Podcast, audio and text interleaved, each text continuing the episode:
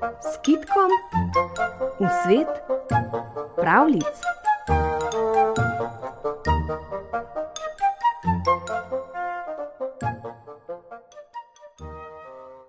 Skozi gost je hodil po tepuh. Že dolgo, dolgo je hodil, hiše pa nikjer nobene. V tistih krajih je bilo bolj mal hiš in vse je kazal, da bo spal kar na prostem.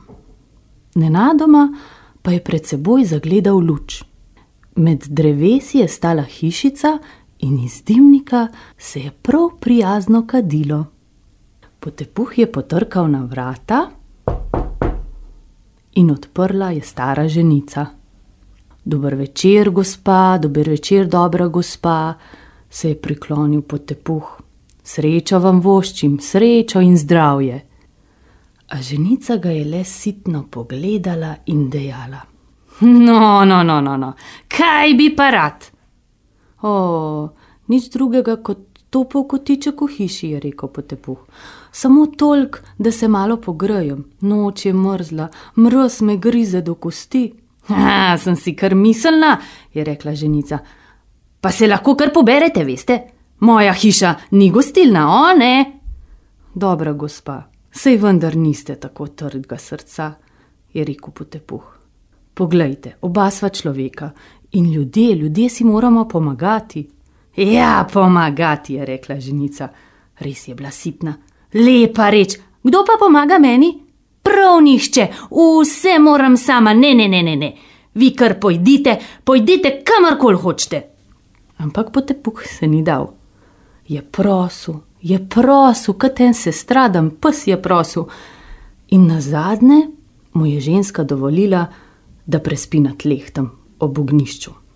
Stopil je k ognišču, se je pogrel, potem se je pa mal razgledal naokrog. O, ženici ni šlo tako slabo, o ne, to je kar hitro opazil. Hiša je bila lepo opremljena in iz hrambe, iz hrambe je prav prijetno dišalo. In tako je potepuh vprašal: A pa bi se morda našlo tudi kaj za podzob? Kaj? A zdaj pa še to? se je razjezila ženica. Sama že vse dan nisem poskusila niti drobtine, a zdaj bom pa drugim dajala. Odkot, odkot ne pa vzamem? O, ljuba gospa. Ja, potem, potem ste pa gotovo lačni, je rekel potepuh. O, hitro, hitro vam prskrbim, kaj za vas. Le en lonec mi dajte, en lonec, pa vodo, pa boste videli, kaj znam. Ženica je postajala radovedna. Le kaj bi potepuh lahko skuhal, in je prinesla lonc, je nalila vode, ga postavila tam na ognišče, potepuh je pa segel v žep in iz njega prevlekel velik žebelj. Trikrat ga je preložil iz roke v roko in ga spustil v lonec. Ženica ga je začudeno pogledala. Ja, kaj pa delate? je vprašala. Juho iz žebla, je rekel potepuh in začel mešati. Juho iz žebla! Ja, juho iz žebla vam bom skuhal.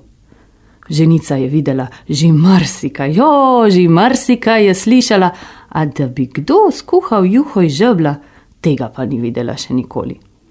Ja, veste, je rekel potepuh, to je pa nekaj za nas, za uboge ljudi. Le dobro gledajte, da se naučite. In skopa, kot je bila tale naša ženica, je gledala in se učila, kako se kuha juha iz žebla. Takole se meša, je razlagal potepuh. Če takole mešaš, potem, potem je vedno dobra. A danes bo nam brž malo vodena, že v teden kuham tale isti žebelj. Malo je že spran, pa joj, če bi imel saj mal soli, pa peščico moke, ha, potem bi bila hitro boljša. No, no, no, no, peščico moke, to bom pa že našla, je rekla ženica in je pohitela v shrambo. Je prinesla moko in z moko še sol, ha, krasno je rekel potepuh in oboje je vsul v vodo. Potem je spet malo pomešal, je pomešal malo v eno, pa malo v drugo stran. Takole je rekel potepuh: Za prvo silo bo. Ko bi imel še malo krompirčka, pa še en kos mesa, uh, potem bi bilo pa res vse drugače. Ampak, če ni, potem res ne moreš vzeti. Tudi tako bo dobro, brez skrbi. Ha, čakajte, čakajte, čakajte, je pohitila ženička, krompirček pa menda vendarle imam. In je odšla v shrambo in se je vrnila s krompirjem in s kosom mesa. Ja, prekrasno, je rekel potepuh in je oboje spustil v lonec. Mešal je, mešal malo eno, pa malo drugo stran, potem je obliznil kuhalnico in je pokimal. Hm, zdaj pa bo, še malo pa bo. A je to mogoče, se je čudila ženica. In vse to samo izžebla. No, če bi imela še pest ječmena, če bi imela še mogoče eno kapljico mleka, potem, potem bi pa tole župco lahko ponudila samemu kralju. A, gotovo bi jo jedel, vem, da bi jo, sej sem jaz služil v njegovi kuhinji. Kako? A v njegovi kuhinji?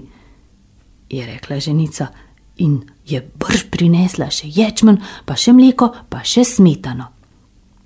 Potepuh je pa kuhal, ženica je pa sedela in je kar strmela. Na zadnje je potepuh potegnil žebelj iz lonca. Tako je rekel, končano, jedla bova kakor na gosti. O, kralj in kraljica, one dva sta imela takole juho nad vse rada. Vedno sta jo hvalila in vedno sta jo jedla s kruhki, in kako lepo sem jima pogrnil tole mizo.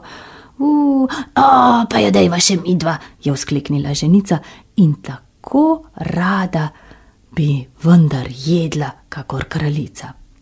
Prinesla je prt, pa prinesla je tako steklenico vina, prinesla je kozarce, pa maslo, pa sir, pa prekajeno meso.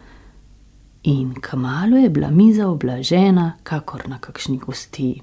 In ko bi videl, kako srečna je bila ženica, še nikoli v življenju ni bila tako na tako bogati gosti, še nikoli ni jedla tako čudovite juhe in vse to samo izžabla.